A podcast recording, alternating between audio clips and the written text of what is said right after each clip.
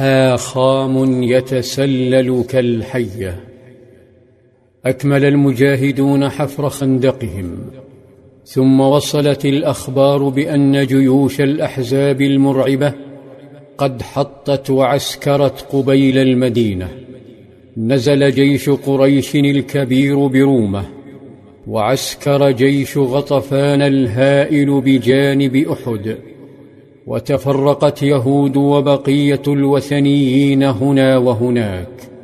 أغلقت كل الطرق وتم اكتساح كل البلدات المسلمة خارج المدينة التي شهدت حركة نزوح داخلية للمسلمين هربا من الفوضى التي أحدثها الوثنيون. وبدات المباحثات بين القيادات الوثنيه واليهوديه. كانت قيادات مزهوه بجيوشها واسلحتها وكلها ثقه من سحق الدولة الاسلاميه في سويعات. ولم يبق سوى الدور اليهودي الاهم بالداخل. دور بني قريضه الذين خانوا الدولة الإسلامية مرتين. لكن يبدو أنهم ما زالوا متمسكين بمعاهدتهم مع القائد صلى الله عليه وسلم.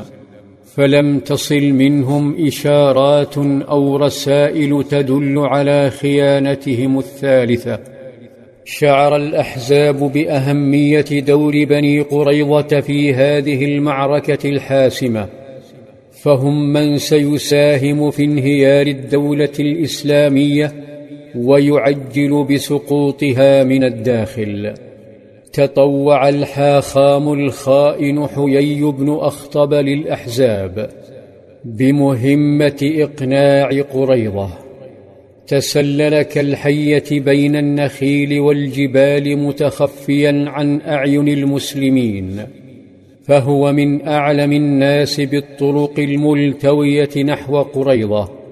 مشى حتى وصل حصنهم طرق باب الحصن وصاح بحراسه فنظروا إليه فعرفوه وفزعوا من مجيئه ولم يفتحوا له.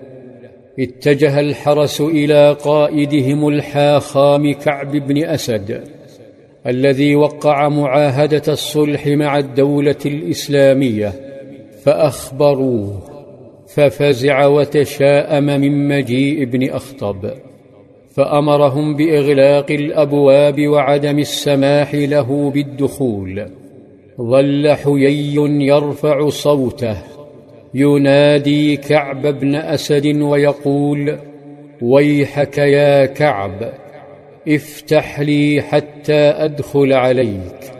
فلم يجد كعب بدا من طرده بنفسه فنهض وهتف ويحك يا حيي إنك امرؤ مشؤوم وإنه لا حاجة لي بك ولا بما جئتني به.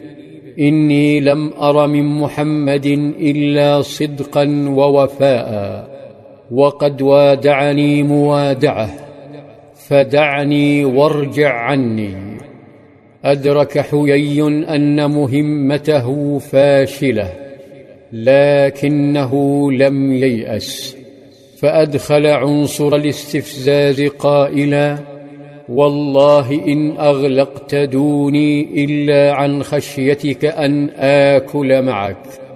شعر كعب بالإهانة فأخذته العزة بالذنب وأمرهم بفتح الباب له. فتسللت الحية وغرزت أنيابها في ذلك الحصن الآمن. وأفرغت فيه بقايا سمها.